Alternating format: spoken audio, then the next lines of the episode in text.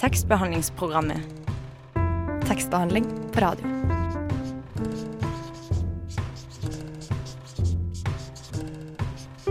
Tekstbehandlingsprogrammet.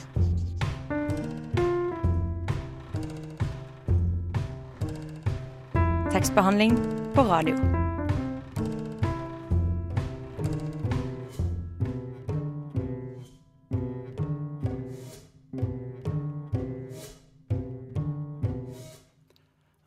Valentinsnatta er forbi. Heldigvis, vil noen kanskje si. Men uansett om du overlevde i går natt eller ei, Vi i tekstbehandlingsprogrammet er her for deg. så god morgen og velkommen til Radio Novas litteraturprogram. Jeg heter Robin Vannevalle, og med meg i studio har jeg deg, Johanne Fyrnes. Ja, hei. Og i dag får vi besøk av Mette Karlsvik. Hun er forfatter av skjønnlitteratur, sakprosa, lyrikk og dramatikk, og er opprinnelig fra Nordmøre. Siden hun debuterte i 2005, har hun fremstått som en av de mest gjenkjennelige forfatterne i Norge. Hun har vunnet en rekke priser, hvorav Tarjei Vesaas debutantpris, Stig Seterbakkens minnepris, og ble nominert til Brageprisen for boka Bli bjørk i 2012. Den siste romanen hennes kom i høst, og den heter Varm au. Som mange av bøkene hennes handler boka om Island. Varm au forteller Islands historie helt fra begynnelsen og opp til våre moderne tider. Den handler om kreftene i den islandske naturen og i menneskene som bor der, som det står på bokas bakside. Men den er kanskje mest av alt en kjærlighetserklæring til Island. En slags From Iceland with love. Ja, og vi har spurt Mette å plukke ut noen sanger til sendinga. Eh, men vi får høre noen av hennes eh, favorittband fra Island, bl.a. Bjørk og Sigurd Ro, som jo er verdenskjente navn. Eh, men først og fremst skal vi få høre på en norsk låt. Her kommer Oslo-bandet Hockney med låten 'Looking'.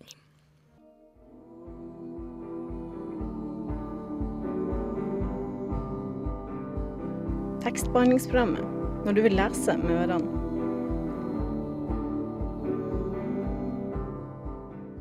I dagens sending har vi invitert Mette Karlsvik. Velkommen hit. Tusen takk. Um, er det riktig å si at Varmau er en slags islandshistorie i fugleperspektiv? Ja, det er kjempefint sagt. Hvem var det som sa det? Var det du som sa det? Mm, ja, Ja. Mm. Ja, den bare tar jeg. Ok. Men eh, hvordan, ja, hvordan ville du beskrevet boka selv? Sånn En, utover som, det. en, som en elv? Som en elv, ja. Ja. Det var sånn jeg tenkte, i alle fall. Var det som var eh, inngangen min når jeg begynte å skrive den. Jeg ville at eh, elva skulle få disponere selve teksten. Mm. Og um, elva er i seg selv en slags født protagonist på den måten at den den er ikke den samme ved inngangen av historia som ved slutten av historia. Samtidig som den aldri slutta å forandre seg heller. Den er i, det er en geotermisk elv, for å ta det fra begynnelsen av, som eh, er eh, gjennom et veldig aktivt vulkansk område. Så den eh, har en hel del eh, varmekilder langs med denne elven Varmau, altså en varm å Mm. på Sør-Island. Og den eh, eh, har forandra seg gjennom jordskjelv og, og ja, gjennom tidene. Så dette er en faktisk elv på Island. Det er det. Mm.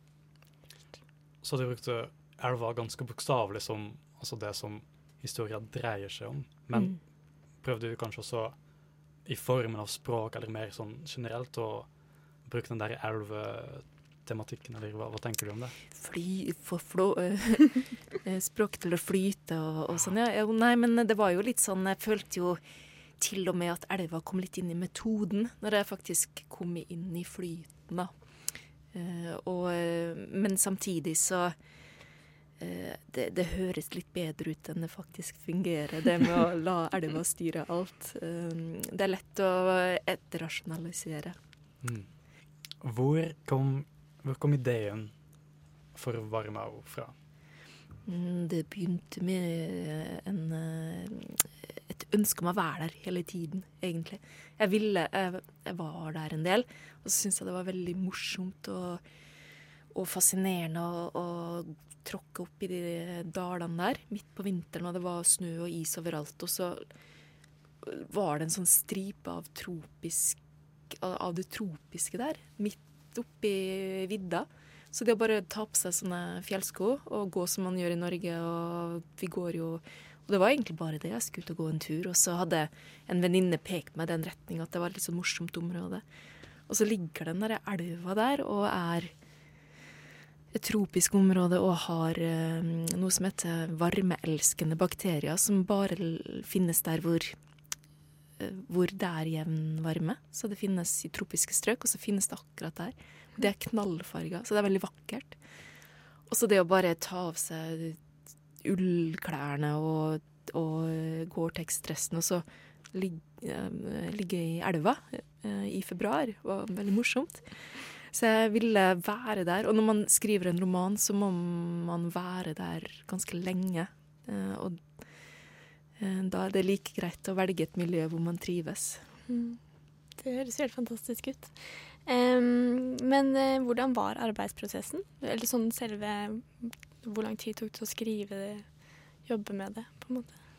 Det begynte å, å renne og, og, litt sånn av seg selv, bare ut av en eh, inspirasjon. De første gangen jeg var der, så bare skrev jeg fordi at jeg var så um, glad. Uh, så det, det, begynte med noen korttekster. Og så så jeg at dette er jo en mye større historie når jeg um, så potensialet i det, at jeg både kunne skrive en historisk roman, men også fordi at dette området viste seg å være veldig interessant for Island eh, økonomisk, og i forhold til eh, også vegetasjon og skolemessig. Eh, det er Islands største gartnerskole ligger der, eller kanskje den eneste. Og de har ikke sant, de har dyrka bananer der og sånn av den geotermiske aktiviteten. Eh, så det ble en veldig Det ble et sånt møtepunkt, eh, akkurat den elva. Eh, og da begynte det å vokse. Og da måtte jeg dra tilbake og, og gjøre research. Så jeg, det begynte vel for en tre-fire år siden. Og så dro jeg tilbake, og så bodde jeg bodde i seks uker i mm, en liten landsby på sørkysten her, rett sør. Eh, som var en liten kjøretur unna, så jeg kunne sitte og skrive der. Og så tok jeg turer opp, eh, opp dit. Um, så over fire år så har jeg vært litt fram og tilbake. Vi skal høre på den første sangen som du valgte, Mette. Den er av Ausgeir Trøysti og heter 'Heimførin'. Vi har um, valgt liveopptaket fra den gangen de spilte her i studioen i 2013 i programmet Frokost. Um, og her kommer altså Ausgeir med 'Heimførin'. Det var sangen 'Heimferien' av islandske Ausgeir Leif på Radio Nova i 2013. Du hører på tekstbehandlingsprogrammet, og med oss er Mette Karlsvik. Um, så lurte vi på om du kanskje hadde lyst til å lese noe boka? Ja. Fra Varmau. Fra Atlanterhavets rygg står flamma opp overalt er han spektakulær, den her gedigne flammeknoppen, men særlig er det lengst i nord når flammene bryter is. Kontrasten er særlig stor der i skåret syner kloden sin heite kropp over isen, over vannet, over et vann i isbreen. Over en tung gass blir han forma, denne grunn alabast. Over det hvite, den vesle, svarte fuglen flyg han driver. Han driver med luftas vilje med iskulda, kulde tungt å trekke. Hetta mot seg er sjøl ei kraft, kulda er gravitasjon. Får lufta til å søkke, svartfugl søkk med en. Han glemmer helt hvor han skulle trekke og trekke ned mot breen. Fuglen flakser så, så skrider han opp, han flyter med ei varm og ei elva varme gjennom luftas landskap, gjennom havet av is, krystall. Høyere enn Jøkul, helt til Jøkul. Ikke bare Jøkul, men ei øy av hvitt i et land av svart. Sentralt i det hvite er et hull av vann, et mørkt blikk av brusende klode, blod. Blodet bruser, øya stirrer. Svartfuglen krinser rundt jordbobla, smellende svovel, svingende venger var på stoff i endring, lava blir gass, blir alabast abstrakt. Koke, koke, bunnen blir myk, koke, koke, gjøkull ryk, svart, ikke hvit ei, øy på øy i eia ris, ævelig bål, blafrar fruor, bris, han harne folk, harne fugl, den er Geotermikk. Den er naturlige kraftfabrikk. Takk. Vær så god. Hvorfor er eh, Island så sentralt i forfatterskapet ditt? Kanskje det har noe med det jeg sa i stad å gjøre, at eh, eh, Island, som den elva, fortsatt formes. Hvis, det, hvis Island var prot Eller Island er jo sånn alltid protagonisten min, og det er egentlig hovedkarakteren i alle de snart fem bøkene som jeg skrev, eller fem verkene som jeg laget derfra. Så er det jo da en karakter som er i stadig forandring, og derfor er jeg veldig godt egnet for litteratur. Um, men aldri bli helt ferdig forma. Så jeg må vende tilbake. Uh, og den vokser for hvert nytt verk. Så på et vis så er det for meg et slags sånn Når man lager barnebøker, så hender det, eller barne- og ungdomsbøker, så hender det at man følger en karakter mens karakteren blir eldre. At den er et par år eldre for hver bok. Island er litt sånn for meg. Mm. Som vi hørte nå da du leste, altså, språket er veldig musikalsk, og det er en del alliterasjoner, og um, det er mange kritikerne som har pekt på at det her er som sagalitteratur, eller som etterlitteratur, nesten, det der poetiske. Så jeg lurte på Var den, altså den norrøne litterære tradisjonen, eller den arven, var det viktig for deg? Mm. Absolutt. Det har kanskje blitt viktigere med, med årene. Når jeg var mm, barn og gikk på barneskolen, så syntes jeg at det var litt kitsch. Eller jeg visste jo ikke hva ordet kitsch betydde, men eh, det var liksom de her stikkillustrasjonene og, eh, og, noe sånn litteratur som eh, ikke da Jeg tror ikke jeg helt tok inn over meg at det faktisk var eh, Eller sannsynligvis sant, eller veldig mye sant. Men senere, når jeg selv skriver semidokumentariske bøker, eller driver med hybridskriving og er en plass mellom det dokumentariske og det skjønnlitterære, så syns jeg jo sagalitteraturen er et veldig flott uh, en støtte da, i det jeg driver med. Litt, uh, jeg har faktisk en tradisjon uh, å, å, se til. og da er jo noen av de er jo mye mer sånn eksplisitt hybrider. Lygisaga som er den på en måte prøver ikke å, å, late som at den er historie. Um, Ravnkjell saga syns jeg er veldig flott. Den, den er så opplagt um, gestalta, da, eller den er så opplagt uh, endra på. Uh, og den har visst den historien at det først var en saga som gikk og var muntlig.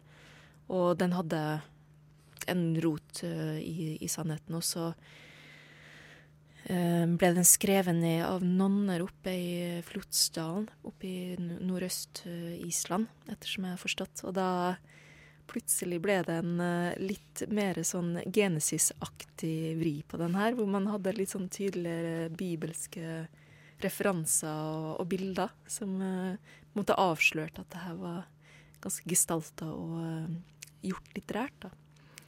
Mm. Og du, du, snakket om at den, litteratur, den, litteraturen er sant, men da på en ikke helt bokstavelig måte. Da. Men kanskje din litteratur også er eller prøver å være sant, men ikke på den helt bokstavelige måten. Eller er det det mm. du mener? Mm.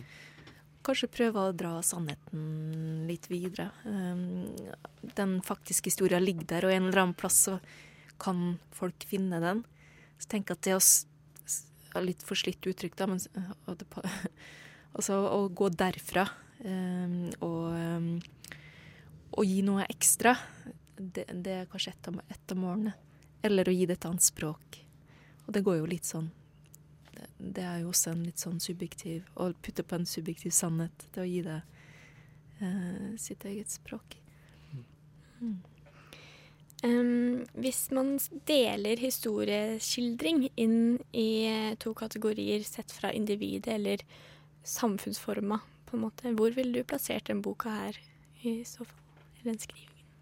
Nei, Jeg går tilbake til begynnelsen av intervjuet. Da. Jeg det var Jeg har veldig lyst til å, å, tenke på det som at det er et fugleperspektiv. Eh, jeg har noen gang prøvd å, å, eh, å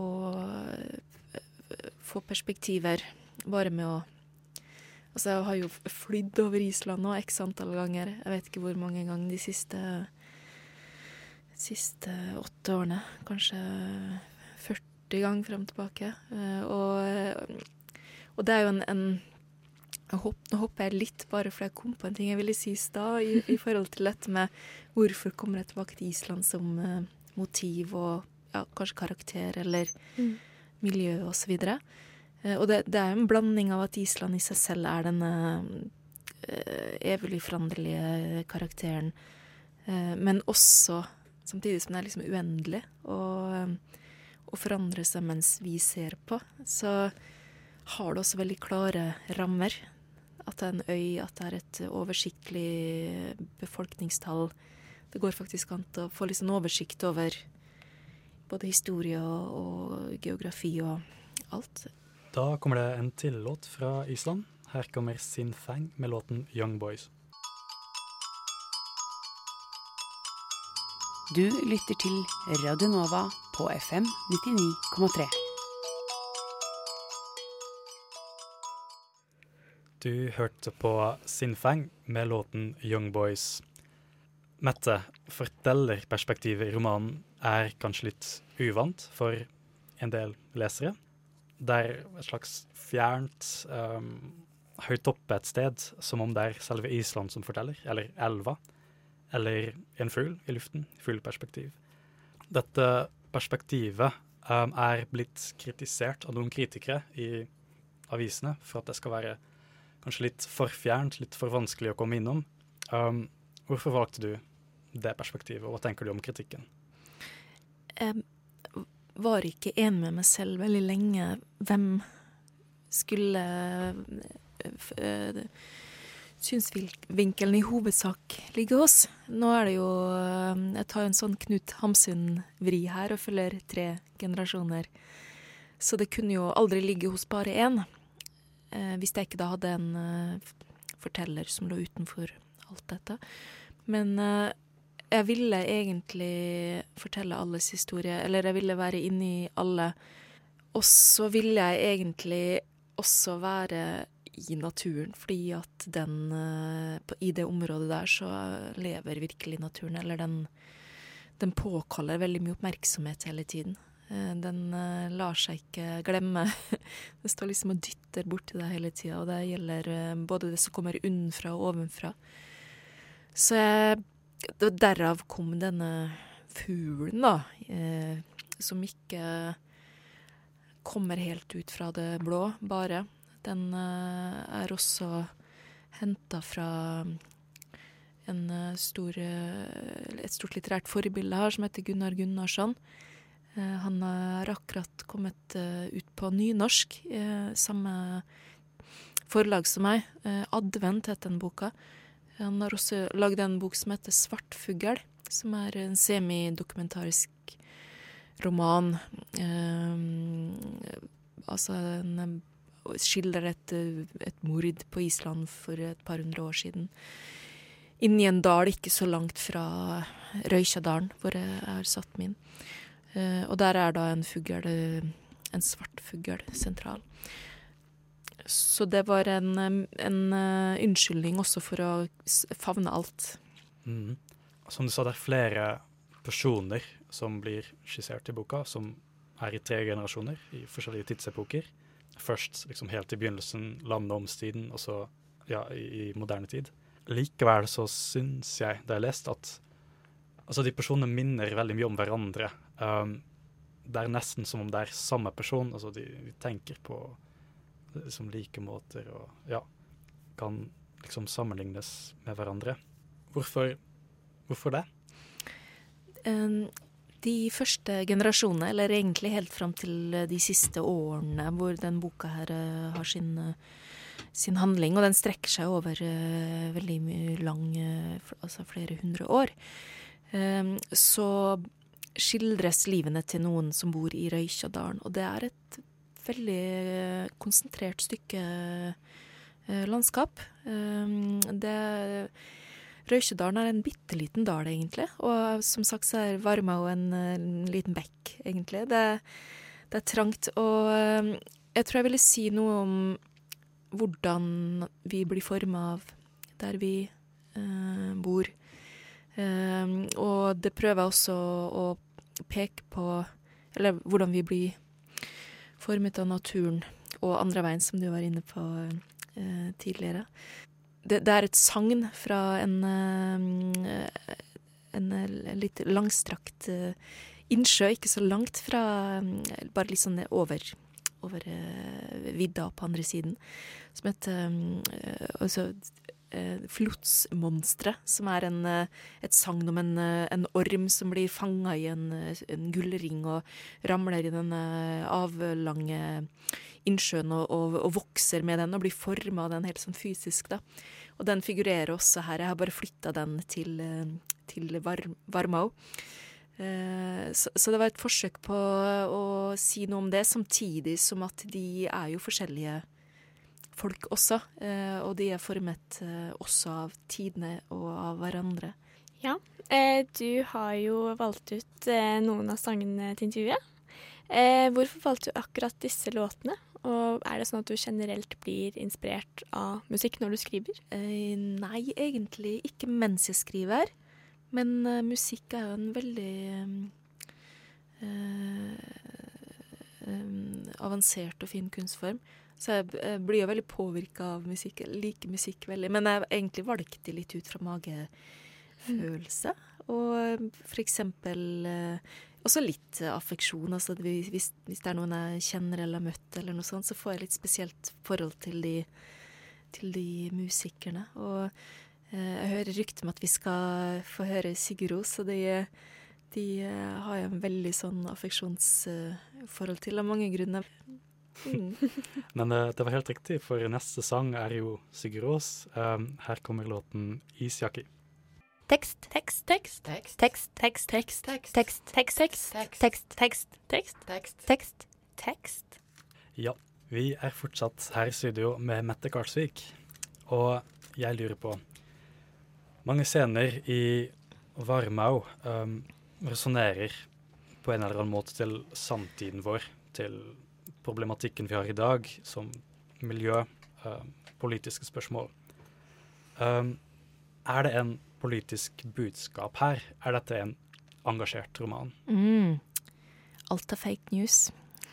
altså, all fiksjon alltid er jo et uh, en refleksjon eller en uh, ja. Mm. Uh, nei, altså det miljømessige er jo ganske opp i dagen eller tydelig.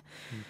Um, så det uh, Fordi um, det, det, handler jo mye om det. Det handler mye om forholdet menneske-natur her. Um, og natur-natur. Men det, som sagt så tenker jeg at sånne type budskap eller uh, Eh, det, det, er vanskelig å tvinge noe sånt fram. Eh, jeg tror ikke at hvis man har det som eh, utgangspunkt, at man vil gjøre det, så klarer man det. Jeg har egentlig bare ville prøvd å skrive på eh, premissen av elv, denne elva og det å skildre alle disse Altså skrive Islands historie basert på alt det som kretser rundt denne elva, da, eller hvordan denne elva slynger seg gjennom tiden. Men eh, globaliseringen, det er jo et faktum. Um, og Island har jo lenge vært egentlig ganske isolert, på sett og vis. Men eh, hva tenker du om internasjonaliseringen som skjer der nå? Er det, er det noe du tar opp i boka? Vi snakket nettopp eh, litt sånn mens vi hørte på musikk her nå, om mm. hvordan mange islandske band de synger på, på, engelsk. Som jo er litt kanskje i stor motsetning til hva mange tror da, om at islendinger er veldig tro til språket sitt og bevarer språket sitt og snakker ikke engelsk. Og, men så snakkes det veldig mye engelsk, særlig mm. blant uh, den yngre generasjonen.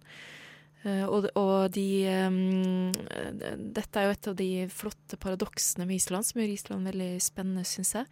Det er jo det spennet mellom at de er veldig internasjonale, og det er jo Hva var det Mona Høvring kalte sin roman? 'Venterom i Atlanterhavet'. Altså, den er jo utrolig um, den, den, er jo veldig global. Altså, den ligger jo eh, veldig sentralt til mellom øst og vest, og det har den det har jo mange visst. Den har jo vært, uh, stått i spenn mellom Island og Russland uh, under den kalde krigen, og, og før det, under andre verdenskrig, så var jo både tyskere på den ene siden, også de allierte på litt rundt omkring, veldig interessert i å um, være på Island. Uh, så den, uh, den har alltid, uh, opplever jeg, som har stått veldig sentralt. Mer sentralt enn vi har, tenkt, til å være en øy midt ute i Atlanteren. Mm. Så vil jeg spørre deg litt om skrivestilen din. Den er veldig gjenkjennelig, ganske sær. man gjenkjenner med det samme at det er Mette Karlsvik som har skrevet det der. Poetisk, musikalsk, assosiativ. Um, hvordan fant du din litterære stemme, hvis jeg kan kalle det mm. sånn? Først må jeg bare takk, for det tar jeg som en kompliment. Sært og greier. Det er jo kjempebra. Uh, nei, um, uh, jeg studerte uh, egentlig billedkunst. Ehm, det var eh, det Det var det jeg drev med. Og så til å begynne med så hadde jeg vel et mer sånn arkitektonsk forhold til tekst. At jeg satte opp noe rom og, og, og behandla tekstmassen mer som et materiale som jeg skulpturerte noe ut ifra. Um, etter hvert så uh, Når jeg hadde gitt ut et par bøker, så ble det jo også en del um, formidling av litteratur. Dette var noe jeg ikke egentlig så komme da jeg begynte å skrive. Uh, at det var en del opplesning, og mye kom ut av opplesning. Og jeg forberedte meg veldig mye. Jeg var veldig sånn samvittighetsfull og skrev nesten et nytt verk hver gang jeg skulle på noen sånn festival og opplese eller noe sånt. Så jeg hadde et, nesten en helt ny bok. Og det kom det jo også nye bøker ut av, men da ble de mer muntlige. Og for at noe skulle fungere uh, høytlest, så skjønte jeg altså For min del så var det da å, å ha noe som uh, fløt av seg selv som lyd, som ikke tilhøreren måtte få med seg hvert ord i. For det er ikke alltid at det legges til rette for at uh, diksjonen er det viktige, eller kommer godt fram. Så da var det egentlig bare å prøve å lage, en, komme, lage et slags stemningsrom av lyd. Og det ble jo etter hvert til at jeg også skrev det ut, eh, som jeg da hadde forberedt for, eh, for formidlinga fra scene. Og så ble det nye bøker etter hvert. Eh, flersidig forfatter, det er du også. Eh, romaner og sakprosa og dramatikk og barnebøker. Hva er det du liker best å skrive? Hvis du har en favoritt. Alltid det siste jeg driver med, ja. Eh, er det kjekkeste. Og nå er jeg eh, den deiligste fasen av alle, så, som er eh, drømmefasen og begynnerfasen av et prosjekt. Den, det er nesten samme hva det er, så er det før jeg begynner å gå inn i og måtte redigere og, og kutte og flytte på. Men det må bare skrive, da er liksom alt lov. Og jeg er i den fasen nå på et, et nytt prosjekt som heter faktisk Surtsi, Gudeøya mm. som er en vulkansk øy utenfor um, sørkysten. Ikke så langt fra der jeg bodde den, uh, den måneden. Og det er da dramatikk. Og den, uh, det stykket vil låne sin dramatiske kurve fra den øyas profil. Wow. Um, til dette her verket valgte du romanformen, uh, selvfølgelig. Um, hvorfor Mente du at um, den formen var mest best egnet til det du hadde å si um, nå? Um, og skulle det ikke vært en fare at det skulle bli skulle ha blitt for vagt eller for flertydig, for, for flytende for en islandsk historie, eller for de der eh, miljøkritiske temaer som også er der? Hvis man er i tvil, velg alltid roman. Roman er jo det, det er jo det frirommet man har, hvor, som har det, det, det, rommet som har plass til alt. i litteraturen. Eh, jeg tenker ikke sånn i utgangspunktet at nå skal jeg skrive dikt eller nå skal jeg skrive roman, men jeg skriver det som må skrives, og så ser jeg etterpå hva det blir. Og jeg var aldri redd for at det skulle bli for flytende eller for, uh, for stemningsbasert. Uh, for jeg tenkte at det var akkurat det jeg ønsket. Jeg ønsket å egentlig bygge det her rommet eller dette landskapet ville lage en, eh, en dal og en elv av tekst som man kunne være i uten å måtte forstå alt eller huske alt eller få med seg alle hendelsene. For det skjer jo innmari mye i løpet av noen hundre år i en, uh, i en dal hvor det støtt og stadig kommer nordmenn flyttende til, enten de skal bosette seg eller om de skal plante skog, som vi også drev med oppi der uh, en stund. Um, eller bærer gull, som Bjørn, Bjørn Gullbærer gjorde. Så det har vært mye tråkking oppi der til å være en såpass uh, rural uh, og vanskelig tilgjengelig plass. Neste låten som vi skal høre på, er en av Bjørk. Og du har jo skrevet en hel bok om Bjørk som heter Bli Bjørk, fra 2011. Hvor kommer den fascinasjonen med Bjørk fra? Det begynte faktisk Eller det begynte med musikken. Eh, og så fortsatte det med faren hennes, som eh, jeg fikk bli kjent med ettårsdagen for Krakke. Fordi han eh, er fagforeningsleder og for kraftverk og elektrikere.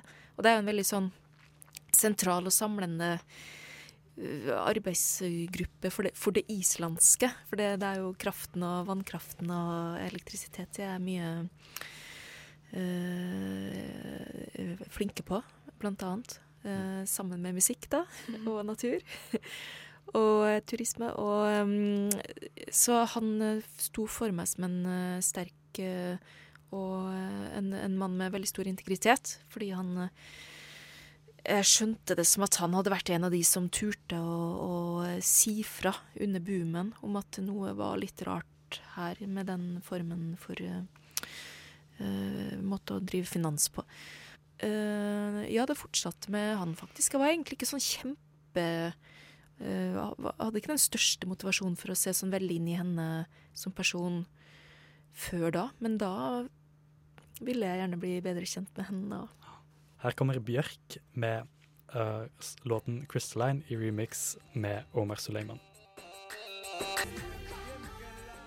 I høst kom oppfølgeren til Janne Drangholts første suksessroman om småbarnsmoren Ingrid og Vinter. Vårt redaksjonsmedlem Mari har anmeldt den, og nå skal vi høre hva hun syns om romanen 'Winter i verdens rikeste land'.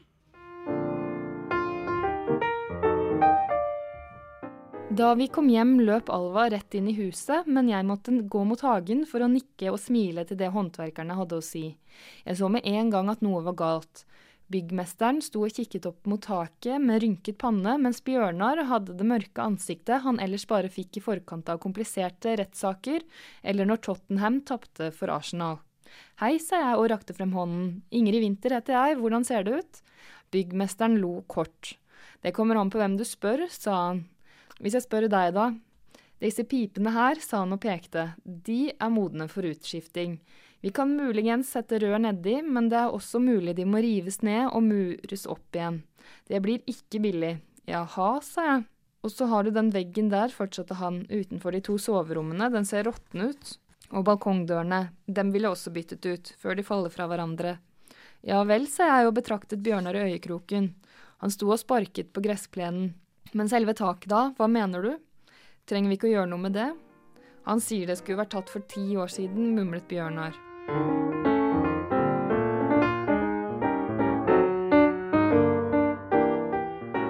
Trebarnsmoren Ingrid Winther har en mann i 40-årskrisa, et hull i taket, en jobb på universitetet som hun ikke lenger finner givende, en døende morfar og på toppen av det hele flytter et tilsynelatende perfekt og ganske irriterende ektepar inn i nabohuset.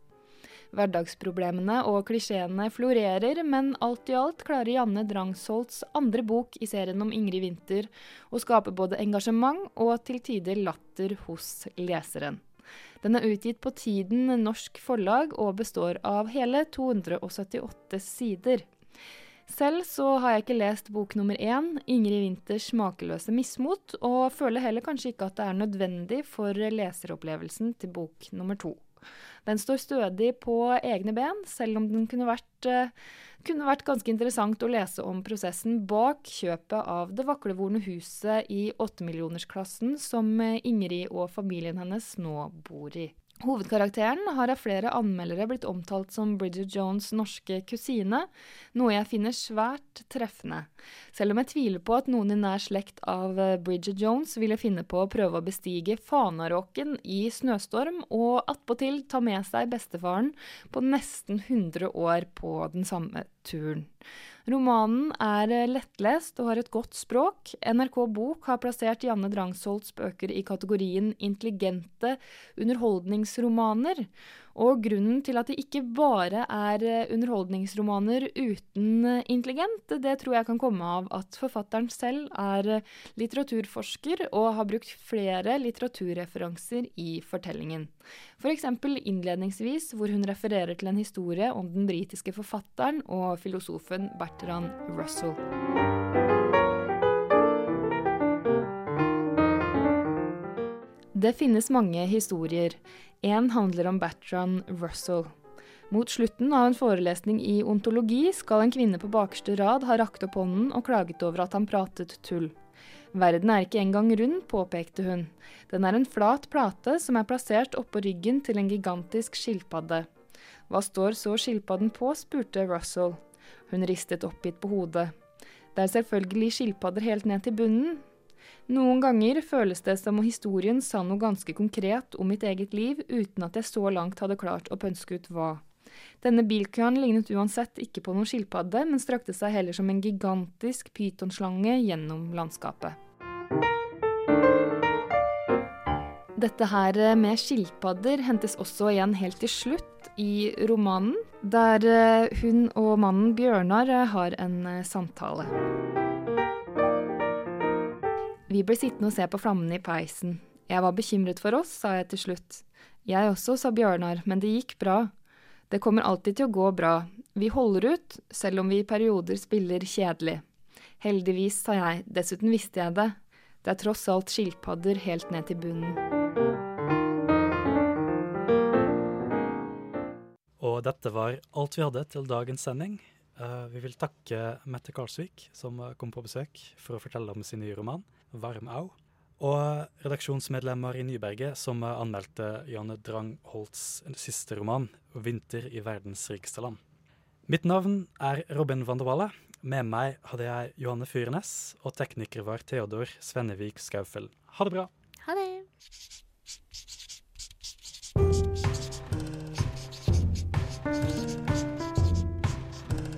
Tekstbehandlingsprogrammet. Tekstbehandling på radio.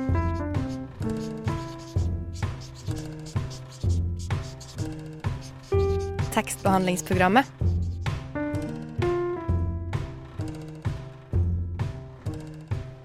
Tekstbehandling på radio.